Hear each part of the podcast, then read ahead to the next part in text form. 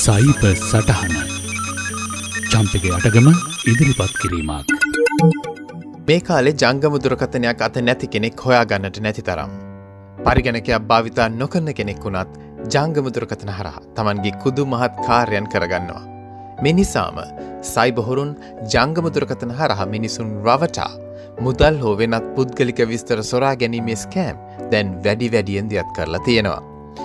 උදාහනයක් විදියට මීට සති කිහිපයකට කලින් ඔස්ට්‍රලියයා පෝස් වෙතින් එන ලෙසින් ආ ටෙක්ස් පනිවිඩකින් කියවුණේ පැකේජ් ඩිටේන්ඩ ඉන් ටර්මිනල් හෝ we are having problems delivering your package. මේ එක්කම වැඩි විස්තර සඳහා වෙබ් අඩවියක ලිපිනියත් ඒකම සටහන් කරලා තිබුණා. දැන් මේ වෙබ් අඩවියට ගියාම එය හරියටම ඔස්ට්‍රේලයා පෝස් වෙබ් අඩවියක් වගේ පෙනුනත් එය ඇත්තටම ඔවුන් මේ වංචනික වැඩිය වෙනුවෙන් හදපු හොර වෙබ් අඩවියක්. මේ හරහා ඔවුන් එයට පිවිසෙන අයට තමන්ගේ පාර්සලය අවශ්‍ය නම් යම් ගෙවීමක් කරන්නට නියම කරනවා. බොහෝ දෙනෙක් මේ ස්කෑම් එක සැක නොකරන්න ප්‍රධාන හේතුවක් තිබුණා. ඒ තමයි එය එන්නේ ඇත්තට මෝස්ට්‍රේලියයා පෝස්් ටෙක්ස්් එවන නිල සන්නාමනාමය වෙන ඔස් පෝස්ට් කියන සෙන්ඩ අයිඩිය එක යොදාගෙනමයි. ඉතින් ජංගම දුරකථනවල එකම සෙන්ඩගේ පනිවිඩ එකම කන්වසේෂන් එකක් විදියට ගොනු කරලා පෙන්නන නිසා ඇත්ත පනිවිඩ අතරෙම මේ හොර පනිවිඩයත් රැඳීමෙන් ඒකැන එක්වරම ඇතිවන්නේ විශ්වාසනීයත්වයක්. ජංගම දුරකථන තාක්ෂණය තුළ ඕනෑම නමක් එවන්නා ලෙස සටහන් කරන්න පුළුවන්. මෙලෙසින් වෙනත් නමක් භාවිතා කිරීම අප හඳුන්වන්නේ SMS ස්පූෆිං කියලා.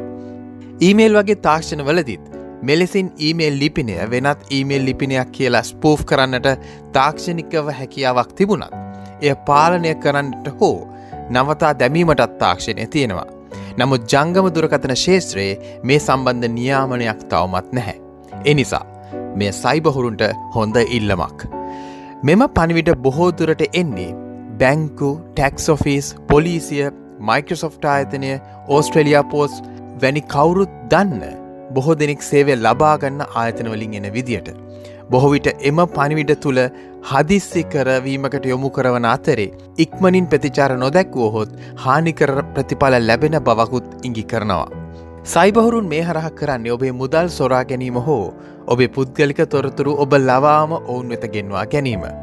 සමහර විට ඔබව වෙබ් අඩවියක් වෙත යොමු කරවා එය හරහා අහිතකර මෘදුකාංගයක් එනම් මැල්වෑ එකක් භාගත කර දුරකථන හරහා පුද්ගලික තොරතුරු සොරාගනට ඔවුනේ භාවිතා කරනවා විය හැකි.